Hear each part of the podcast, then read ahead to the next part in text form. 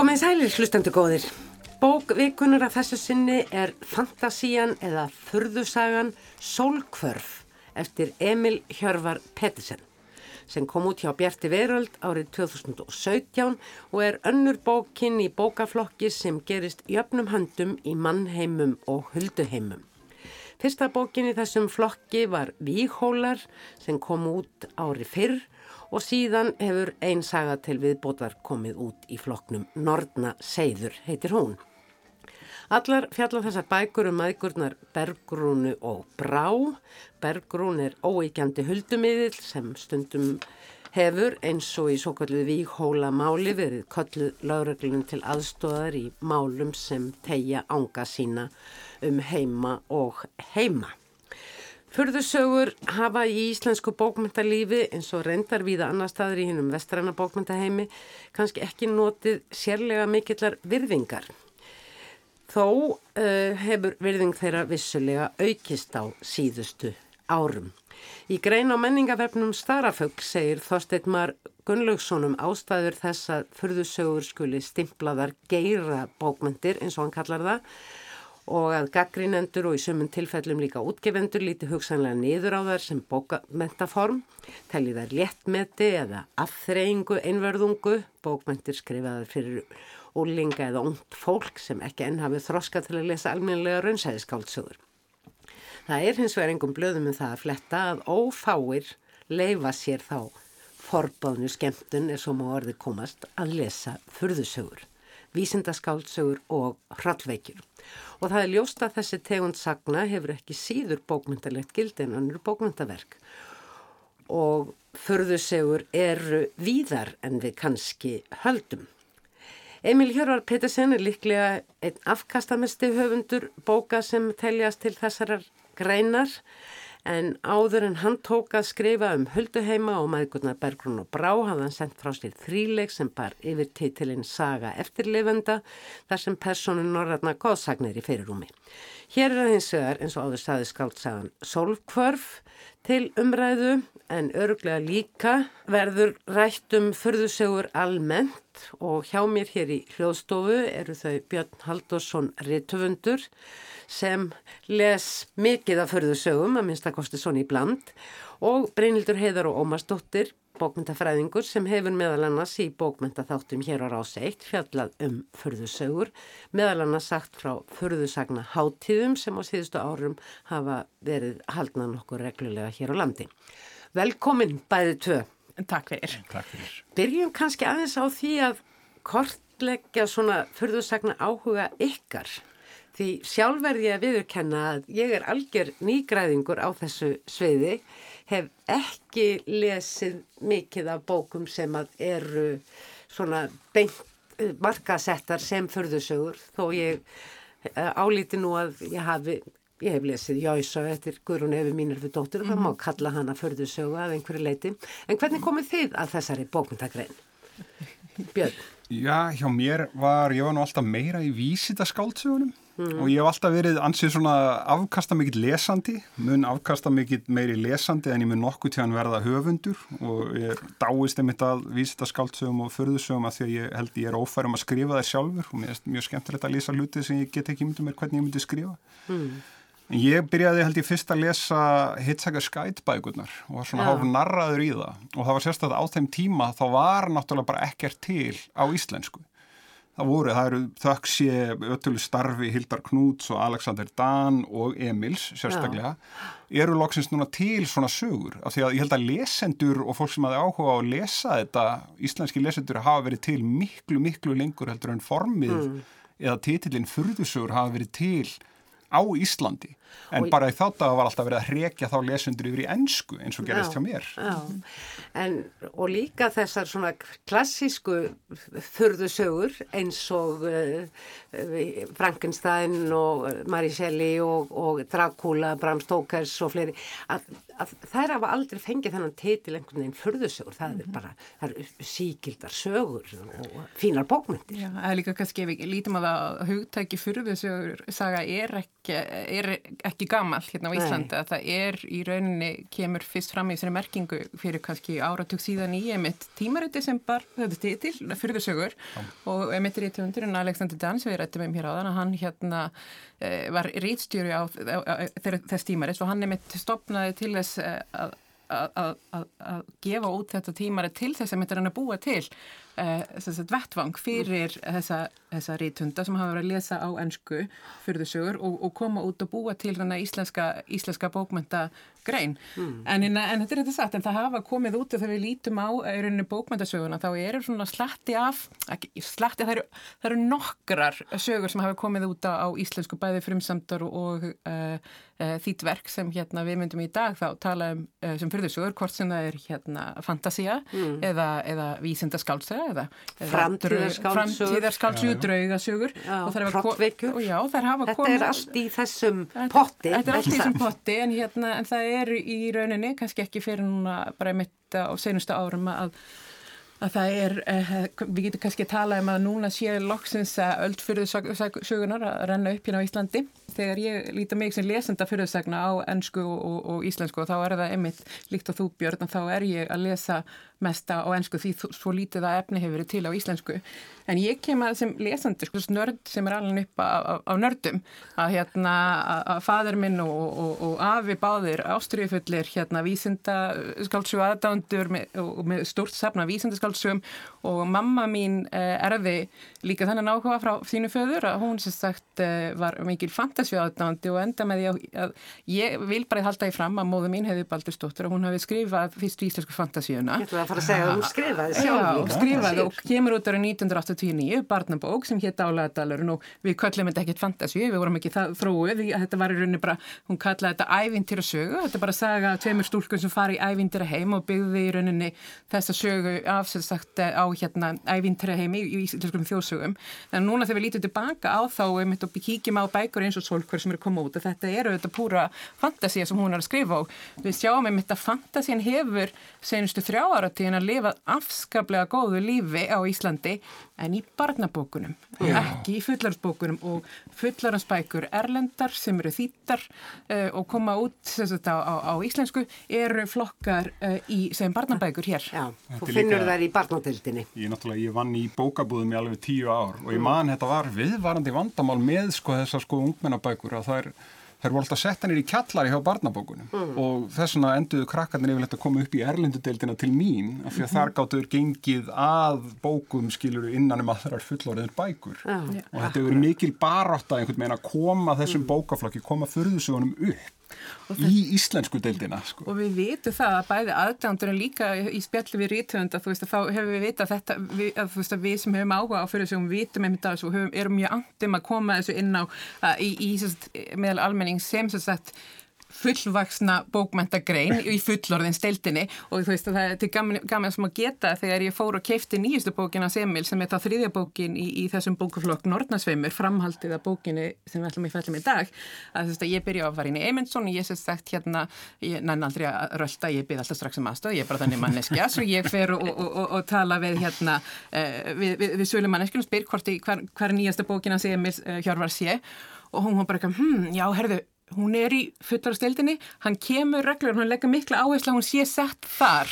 Og, hérna svo, og þá eru rauninni að þú veist, en þetta er þú veist þannig að núna að þá, svo virðist sem ég myndi að rítöfunda þurfa, ég myndi að passa að þeim eitt bóka, eh, fólki sem starfir í bókabúðum sé ekki að lauma þessu inn í barnadildina. Ég, ég ætla hins vegar að uh, nefna það að mm. það er kannski dæmigert fyrir einmitt uh, svona þessa stöðu sem við höfum verið að lýsa uh, sem þessar bókmyndir eru í, að ég held að þetta sé sko fyrir utan kannski klassískar framtíðaskáldsögur sem eins og 1984 og, og hérna færa nýja veröld, þá sé þetta fyrsta svona fantasían eða furðusagan sem tekin er til umfjöllunar í þessum virðulega þætti bókvikunar. Vá, það er sem sagt uh, Solfkvörf, þessi bókum Margurnar Bergrun og Brá, við skulum kannski áður en við byrjum uh, leifa uh, hlustandum að heyra svona hvernig höfundurinn sjálfur sjálfur, Emil Hjörvar Pettersen, lýsir þessari skáldsögu sinni?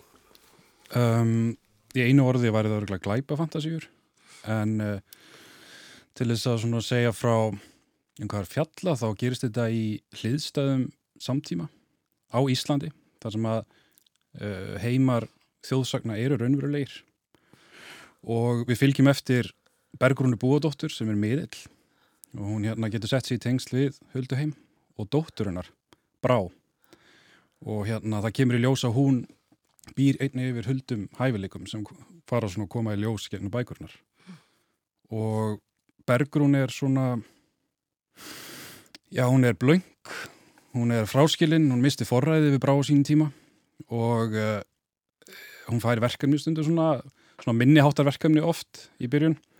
Að tala auðverka í, í görðum fólks og svona en svo ringir hann svona lauruglan í hana og, og hún uh, fer að skoða svæðið og það finnst lík og eitt leiður öðru og brá blandast inn í þetta. Um, það sem ég læði upp með var að, að hérna skrifa svona það sem ég á glæpafantasíu að leika mig doldi með norrannu glæpasarnahefðina og taka íslensku þjóðsögunar inn í þetta. Og um leið skapa alveg svona heilstifta fantasíu eða fyrðu sögu Já, skapa heilstefta fantasi. Ég held að uh, megi segja að Emil Hjörvari hafi tekist það. En um leið er þetta líka mjög raunsæðisleg saga. Mér finnst það að vera mjög klokt hjá honum og bara almennt hjá þessum íslensku höfundum að þau kunna að, að sko þau búa til svo sterkan grunn eins og þessari bóka að nota eitthvað svona kunnulegt form sem íslenski lesendur er búin að taka í sátt eins og glæpasöguformið og bara kanna á og, mm. og, og, og nota síðan hennar svona gráa, nöturlega hérna, veruleika Reykjavík sem við þekkjum úr þessum norrænu hérna, glæpasögum og setja það sem grunn svona stökkpallin áður en síðan er haldið inn í huldu mm. heima. Þú ert eiginlega búin að svona róa lesaðan, hann kannast við þetta. Mjög, mjög skemmtilega líka bækuna að byrja yfirleitt í Kópavöginum, í Hamaraborginu það sem að Bergrún býr og það er allt svona grátt og... eða bara í, í Gravarvöginu og það eru jól og, og uh, sem er náttúrulega líka mjög klókt mm -hmm. eða sínuleiti líka lógist því að Eh, eins og ég sagði upphafið þá er þarna frammi morð og, eh, og hverfur mm -hmm. og ekki nómið það heldur móðir bassins sem er, heitir Rósa og barni heitir Helgi að hún er svona, hefur átt í svallum erfileikum með sjálfan sig og maður er ekki alveg viss hvort hún á eilíka við áfengisvandamála eða jafnvel eitulega vandamálastriði eða hvort að þetta er bara að því að hún er líka næm að minnstakosti sér hún uh, hvernig barnið hverfur og það er ekkert með eh, venjulegum hætti. Og uh, ég veit ekki hvort við hefum að fá strax bara svona til þess að fá tónin í bókinni. Það er lítinn lestur frá höfundunum þar sem að emmitt þessari veru er, er líst sem að uh, rýfur barnið úr sínu hérna raunsæðislega umhverfi já, hvort það er í Kópavogi eða, eða, eða Gravarvogi mann það ekki alveg yfir í, yfir í, í hölduheima. Heyrum hérna lýsinguna á þessu drísiltrölli eins og það er kallað og erfist bara beinlinis jólasvein. Ég hef aðeins lesið um útlitt drísiltrölla og séð gamlar teikningar en ber nú augum í fyrsta skipti þá fórinju sem almenningur hefur, mildað með sakleitislögum sögum og vil kenna við jólasveina. Tröllkarlin er stórfyrdulegur á að líta. Líkt á í gömlum lýsingum vætt á þjóðfræðinga er hann nær búklaus og klófið millir langur á tálausra fótana tegir sér langt upp.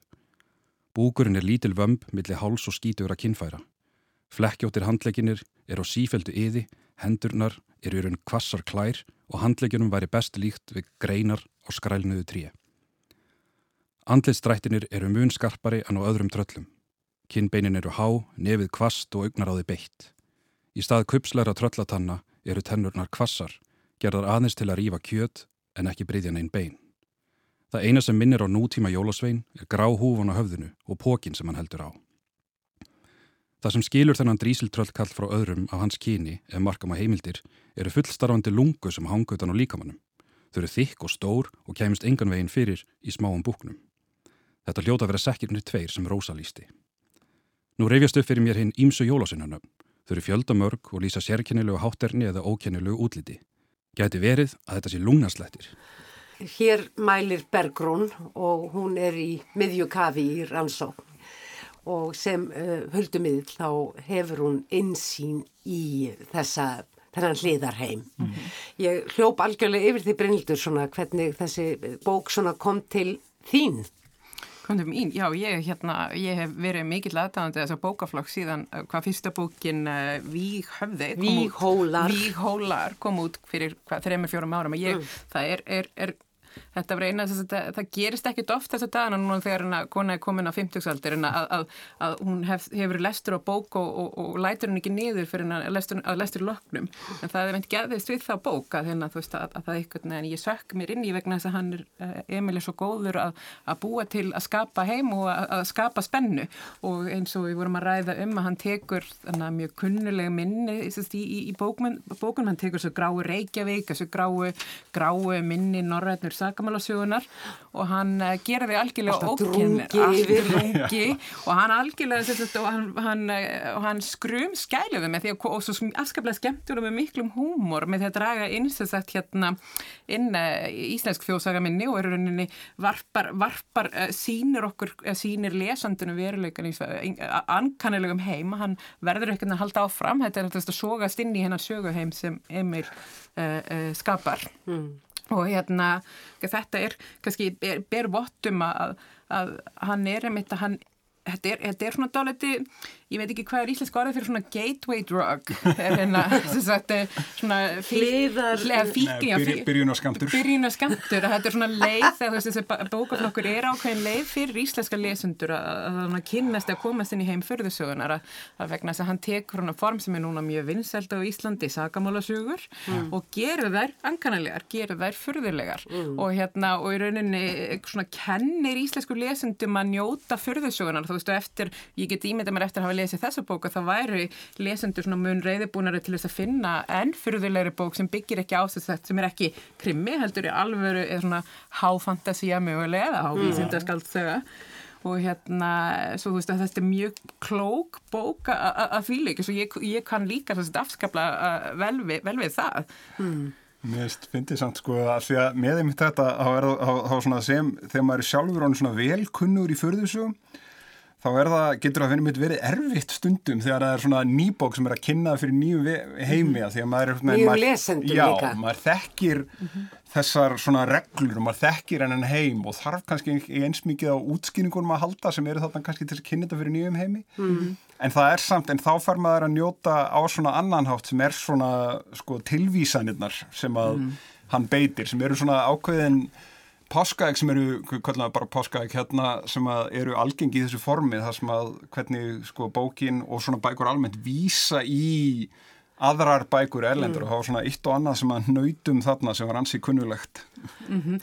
Já, algjörlega og þú veist að það er, já, það sem ég dáist algjörlega við hjá Emil að þetta er rauninni mjög stór skref fram að við í íslensku fyrðusjónum er hérna er bara þú veist þessi gríðarlega rannsóknvinni sem hann er verið alveg greinilega lagt í mm. íslenska þjóðsagnarfinn til þess að flettin inn í uh, nýjan söguheim og þú veist að það hefur uh, það sem ég eru oft vantað þú veist að þegar ég ræða við aðra lesendur íslenska fyrðusagnar það að við mátt vera að tala um það hvað okkur vantar orðaforðan til að tala um fyrðuna vegna þess að við mm. lesum svo óhenni mikið á errendu tungumálum og sérstaklega ennskunni að þegar fólk og þegar við erum að reyna að tala um galdra eða skrýmsli á íslensku og finnst okkur þetta hljóma fyrðulega en það hann Emil, hjá, í meðferðum Emil þá gerst ekki, hann er að taka uh, fornan í, eða íslenskan uh, íslenska, íslensk tungutak úr íslensku þjóðsögunum mm. og er þess að beita þeim mjög skarpan hátt í þessum bók og er að búa til í rauninni svona nýtt fyrðurlegt tungumál. Mm. og það er rauninni mjög mikilvægt í rauninni þegar við lítum til framtíðin að vera að byggja upp í rauninni þetta skáltamál og byggja upp skáldleg minni íslensk fyrir íslensku föðusónu og svo að því leiti er þessi, er, er þessi bóku að þessu bækur að segja mér mjög góður og mjög mikilvægt skrefi í, í, í, í þróan þessara bókmöntagreinar eins og ég saði upphafið þá er ég ekki fyrðursagna lesandi þannig að, að þegar ég opnaði þessa bók og svona á fyrstu 20, 30, 40 blaðsíðunum þá gekk mér tiltölulega hægt og ég var nú ekki vissum að ég myndi falla fyrir þessu bókmyndaformi en skindilega var ég algjörlega orðin niður sokkin gerðsanlega búin að meðtaka þennan heim hölduheim sem að uh, líst er í bókinni sem að skilur, sem að hulan skilur frá mannheimi og aðeins sömur hafa insýn í og uh, virðist vera í þessu samfélagi í Reykjavík þar sem sagan gerist uh, viðurkendur að minnstakost er kend vættafræði í grunnskólum landsins þannig að, að nefendur sem eru næmir að þeir eða fara að finna fyrir næmi síðar meir að, að þeir átta, geti átta sig á því Já. Þannig, og þetta er mjög samfélagsleg bók. Já, Já þetta er náttúrulega helsta sem sko gaggrínendur fyrðusögunar skjóta á. Þeir er sakana um að vera, sko, vera flótti. Þetta sé svona flótti frá raunveruleikanum og sé ekki í sam sambandi við það en það er, mér alltaf þótt fundist það að vera í rauninni ala rangt sko. Mm. Já, og hann gerir þetta hann, og hann gerir þetta með þann Emil með miklum húmor rauninni að varpa svona ankarlega ljósa á íslenska raunveruleiku. Svo til dæmis tala um uh, kynjaskeppnufræði að, að við höfum kynjafræði í raunheimum en hérna í heimum sem þetta Emil það er kynjaskeppnufræði svo það er riks í staðin fyrir rik þar er þessi rannsónstofi kynjaskeppnufræðum og, og hann býrir rauninni til í mjög með stöðu hann hefur vandlega hugsa fyrir allt og það var með indislegt hvernig Íslands samfélagi mitt endur speiklast þannig að það eru eins og við Íslandíkur svo duglega stána félagsamtök og hagsmunasamtök og hitt og þetta þá eru uh, hagsmunasamtök sjáanda, hagsmunasamtök galdrafólks og hérna Já. og einhver svona sem er hérna að halda aðalfundi og rýfast um og hérna og, og, og síðan er hann einmitt að nota einmitt þess að fyrir þessu líka þá einmitt eins og bendir á sem samfélagsgagrinni að það eru, eru einstaklingar sem eru að reyna að hagnast á uh, hulduheimum Samanfyrir vættavarnir. Vættavarnir sem er búið er enga vættavarnir stjórnir ríkisins sem nú er búið eitthvað væða. Og þá er í rauninni í þessu emmitt að með því að tala, nota, nota þetta er í rauninni og þetta er eitt af því sem fyrðusæðan í gegnum tíðina síðustu hundra árun hefur gert svo vel og hefur verið verkfæri erlendis að fyrðusæðan og þá sérstaklega vísindaskáltsaðan að þetta er hérna tæki fyrir rítvöndar til að vera með samfélagslega gaggrinni mm. að, hérna, að, að þú veist að í vísindaskáldsum á framtíðsögum að þá er, er, er nota, nota rítvöndar tæki færi til þess að, að sína, uh, sína sagt, hei, betri heim til dæmis mm. að þú veist mjög frækt er til dæmis í vísindaskáldsögum þegar þau byrjuðu bandariskum það að þar sagt, voru uh, fólk af, af mismunandi kynþáttum sem sagt, voru að kissast sagt, í ja. vísindaskáldsögum þegar þau máttu ekki hérna í raunheimum og, hérna, uh, en, og þá en með því að nota einmitt fyrir þessuna þá er hann að nota þetta sem tækifæri til að benda ákveði eh, Emil á, mm. ákveðna galla í okkar samfélagi Alkjörlega. sem verða augljósi þegar þessu fyrðilega ljósi er varpað á þá mm.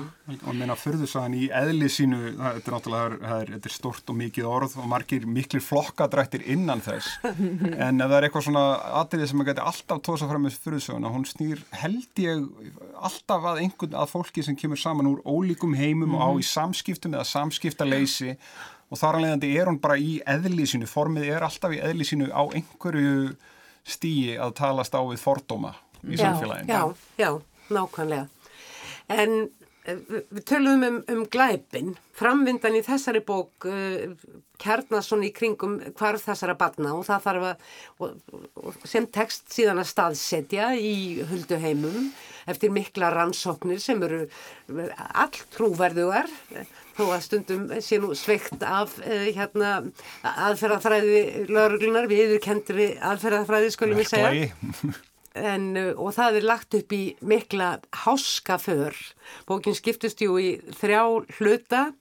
Fyrst er svona þessi glæpur kynntur og þessi heimur, uh, síðan uh, sákafli heitir komið að fjöllum eða sá hluti, annar hlutin heitir myrkrana á milli og það eru svona vaðum í villu og svíma og reynda átt að segja á hvernig landi liggur og, og á endanum komist til bots í því. Og síðan er, kemur uh, þriði hlutin djúft sokkin sem að er beinleins þessi háskaför inn í hríðar fjöll og það er nú eh, sko ekkert smá ferðalag, gríðarlega í rauninni spennandi, ég verðarlega ekki að ég gæti valla lagt bókina frá mér. Og, eh, og það er bara hver háskin tekur við af öðrum og ekki sérlega geðslegt. Eh, og svona til, til marg sem það skulum við kannski heyra annað líti brot eh, sem satt úr þessum síðasta hluta bókarinnar sem segir frá viðuregn Brár, dótturinnar sem sé sem er núna komin yfir í hulduheima með móðurinni og drúitans Molly við mannætu útilegu mennina Seppa, Högna og Guðna því að ofbeldi er svo sannarlega til staðar í förðusögum. Mér brá bara. Ógeðfelt andlit seppa nálgast. Hann rekur út úr sér tungun og sleikir varinnar á mér. Rýtingurinn leggst upp á húðinni. Á næsta augnarbyggi mun hann skera mig á háls. Í hans augum er ég augláslega bara unglam sem hann ætlar að leggja sér til munns. Hann vannum heitur mig og hefur ekki einu sinni haft fyrir því að binda hendur mína freftan bak. Ég ætla að nýta mér það. Áður hefur Karlmaður byrlað mér svefneitur og bundið. Ég kom mér úr því klandri og ætla ekki að gefast upp núna heldur.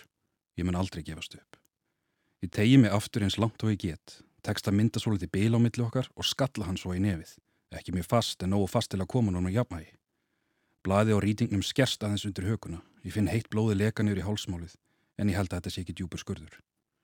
Áður en Seppi áttar sig, læsi ég tönnunum í rýtingin, reyna að halda blaðinu frá munvegunum, en þegar ég hrifsa hann úr höndunum á Seppa, finn ég blaði skýrast smá í mig.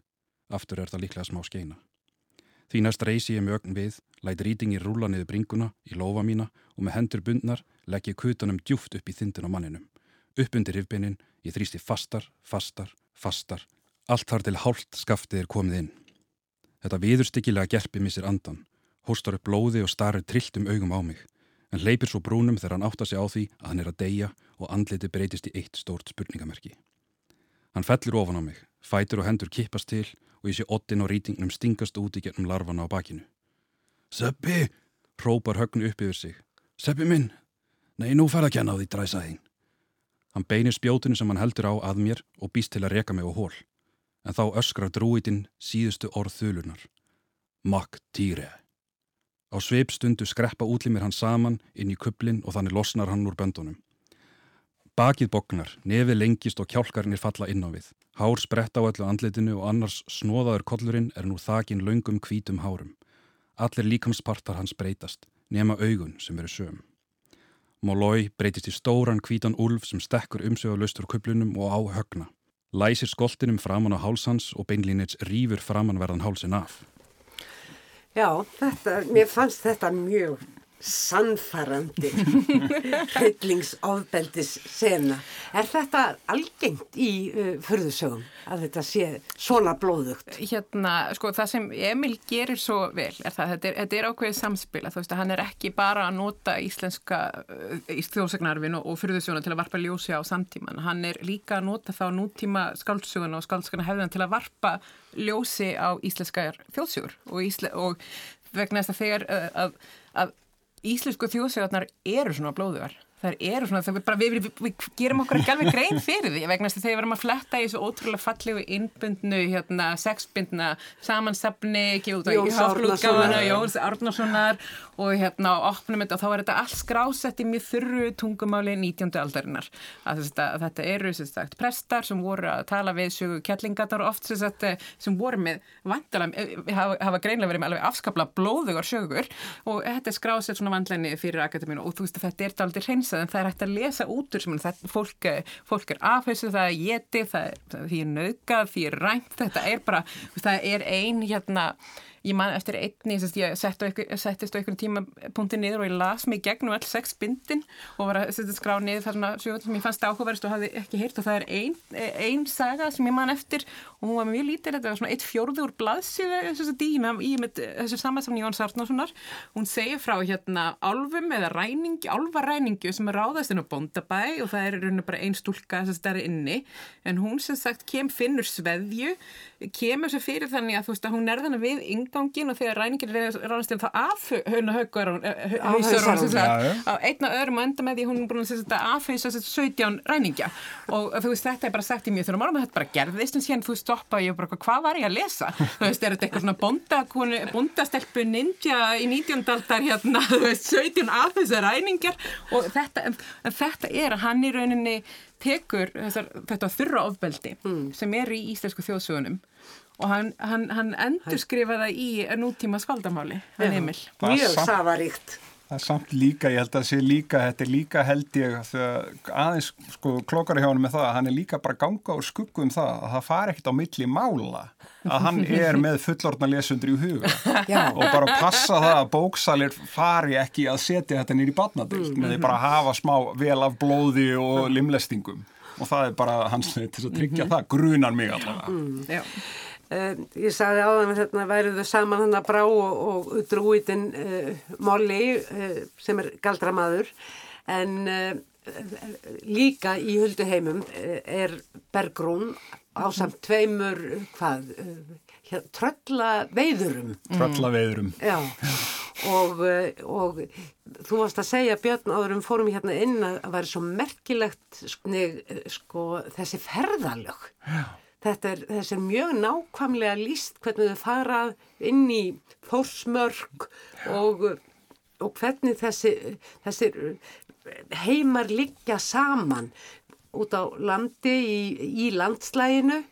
Það er svolítið öðruvísaheldum þegar það er í, í, í borginni. borginni á svona milli húsa Einmitt. þar sem að opnast kannski grössið dalir eða eitthvað. Þetta er náttúrulega sko eitt sem fyrðusögur gera mjög oft og ég meina, þú veist, ef við horfum aftur til tolkin, hann gerir það sko, er að þær notastu kort, bara mm. skýr kort, það er mjög oft í fyrðusögum er oft kort fremst, Emil fennu ekki alveg Nei, mér fannst það, það heldur ekki nöðsynlegt. Það var ekki nöðsynlegt, en þú gætir hins vegar eftir mjög auðvelt held ég með það að bara fara með penna og rekja ferð, hérna, ferð þeirra í Reykjavík og á Íslandi á korti. Þannig að það er mjög skýr landafræði mm. Í í. Og það kemur mér ekki óvart að Emil ætti heima í, í, í sinni tölvu kort yfir þetta, þetta er það nákvæmlega. En þetta er líka við sjáum það í söguna, þá er sem sagt, eru kort, ít, ítreka minnstakort og þetta er sem sagt minni rauður þráður, kemur upp aftur og aftur að, að sögu heitjum vantar kort yfir uh, á, álagastadi á Íslandi. Já, þau eru að, alltaf verið að verða sér út um þau. Og verða, þau eru alltaf verið inn og þetta er auðvitað vegna þess að, að valdi fælst í því að vita Eh, að geta kortlegt heiminn svo þú veist að þetta er, eh, það er, já. En líkt á því fyrstu bókinni sem snýrst náttúrulega öllum það að elda upp í alla víghóla á Íslandi hvar sem þeir fyrir fyndust, alla 14 talsins og okay, fór þannig vitt og breytt um landið í leita þeim. En svo er það náttúrulega hitt er, sem er mér líka eiginlega mjög skemmtilegt við að tala um alla Eh, vinnuna að, og rannsóknina en það sem ég eins líka mjög gaman er að, að í rauninni fyrir kannski svona leikumann eins og mig að vita ekki alveg hvar skilin eru mm -hmm. hvar þjóðsagan endar og hugmyndaflug Emils tekur yfir í rauninni sko, hvað, hvað kemur úr hans huga og hvað kemur frá Jóni Árnasinni mm -hmm. Mm -hmm. En uh, þetta ferðalag, þessi mikla háskaför henni líkur jú og uh, á endanum að uh, þá tekstað bjarga þessu öllu saman en þetta enda nú ekki, ekki bara vel. Hvernig fannst ykkur Emil takast að, að, að, að nýta svona endanhútin? Þegar hann er í rauninni kannski töfaldur. Það er annars vegar þessi björgum barnana og, og, og hvernig henni líkur og hins vegar svona hvernig fer fyrir, já, lauruglumálinu og starfi bergrúnar hjá lauruglunni og ég tala nú ekki um samskiptum maðgnana sem að virtust nú ætla að vera eitthvað á, á, á góðri leið. Þetta er náttúrulega ekki enda hnútur tæknilega séð mm. og þetta eru og þessar sögur, það er náttúrulega mismunandi aðferði sem höfundar hafa þegar þeir vinna í svona serjum og eins og Emil eru það komna þrjár bækur, mér skilst það svo fjórða sé á leiðinni og í sumum hérna svona bókaserjum þá er alltaf, jafnast allt út í loki og bækurnar byrja alltaf á samastað það byrja alltaf, það er allt búið að falla í dúnalogn og kartinu er aftur komin í bara hverstagsleika sinn og byrja svo nýtt það er ekki það sem Emil er að gera. Mm -hmm. það er ákveðin framþróun í persónusköpuninni sem á sér stað á milli bóka. Mm. og þessi svona kannski frekar dimmi endir á þessari bók hann, hann í rauninni höfðar held í mjög mikið til, sérstaklega til bráar mm. og hennar svona áframhandandi sko, þróun siðferðiskendar hennar og stöðu hennar gagvart móður sinni. Já, ég var uh, sko með að við endalógin þá fannst mér mjög eðlilegt að næsta bóka eftir þessari sólkvörf sem sagt að uh, hún skuli bera teitilinn uh, Nortnaseiður. Sveimur. Sveimur, mm -hmm. því að það er augljóst að, að, að hún er að öðlast einhverja, einhverja hæfni á því sviði líka. Það er einmitt, einmitt skemmtilegt að kíkja á, þetta er bókin segir frá einmitt eh, sambandi maðurna, bergrunu og brá og eh, það sem er svo skemmtilegt í þessum bókaflokki er það hver brá fyrir er að verða veiga meiri.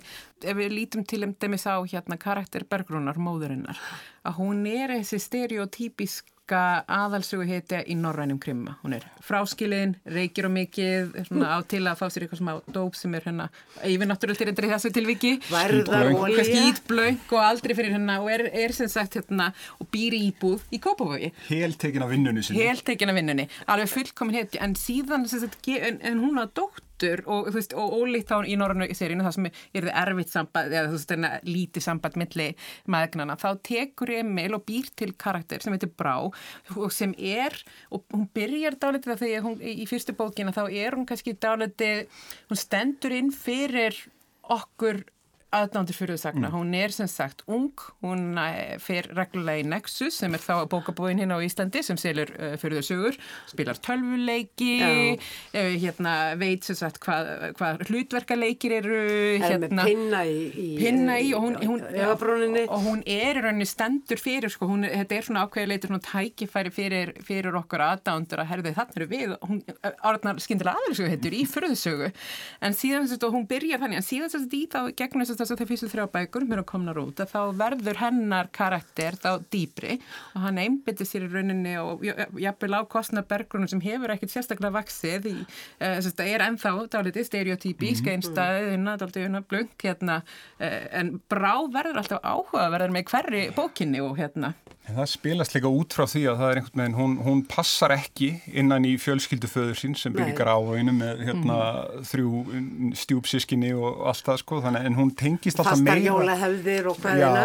hún tengist alltaf meira og meira við mömmu sína og sér meira og meira, hún, hún tengist það, en á sama skíma, skapi virðist vera eina leið hennar til að fá einhverja aðtikli og virðingu frá mömmu sinni er í gegnum færni hennar og þekkingu í huldumálum, í hulduheimum, af því að Bergrún ástriða hennar fyrir hulduheimum og fyrir bara sinni, fyrir sinni miðlun og öllu því kemur niður á hlutverki hennar sem foreldri, bara oftar en ekki og það er gegnum gangandi þráður, í gegnum alla bækunar. Já, þú meinar eh, sem sagt þessi hæfileiki hennar, miðilshæfileikar. Bara áhugi hennar í rauninu, hún er náttúrulega bara svona bóhem sjálfstætt starfandi fræðimaður grúskari, þetta er náttúrulega, þetta er, þetta er mjög kunnulega fyrir okkur eh, sem erum að reyna að lifa á, á því að skrifa, þá er þetta mjög kunnulega típa og mjög kunnulega vandamál. Við erum víst að, að þetta fer, líður svona að lokum hjá okkur. Það er fjölmart sem við hefum ekki minnst á. Um, tala mikið um tenginguna við þjóðsögurnar og hvernig eh, þjóðsögurnar varpast yfir í raunsæðisöguna í þessu, þessari sögu og öfugt. En hann er líka mjög stert tengdur inn í, í raunni alþjóðlegar uh, hérna förðusögur og nikkar uh, mikið til þarna til dæmis stundum vitnaði ákveðin doktor uh, Neil Pratchett. Og, og það er náttúrulega uh, næstu því hlægilegt sko, það er augljóst. En ámæntalega að vera það. Og það er ekki nómið það þetta er líka á ymsum stöðum er líka ákveðin textatengsl eins og þú bendir á.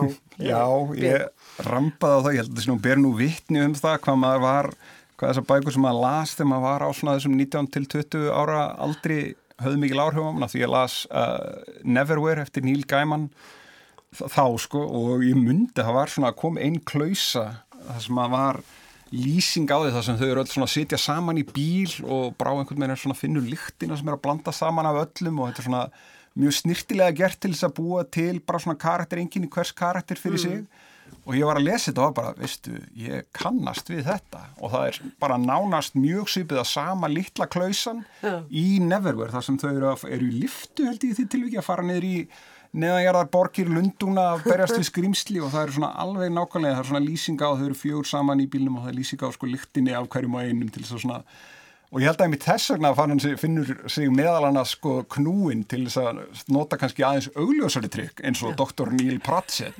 Bara til þess að segja svona, já, ég veit þetta er viljandi.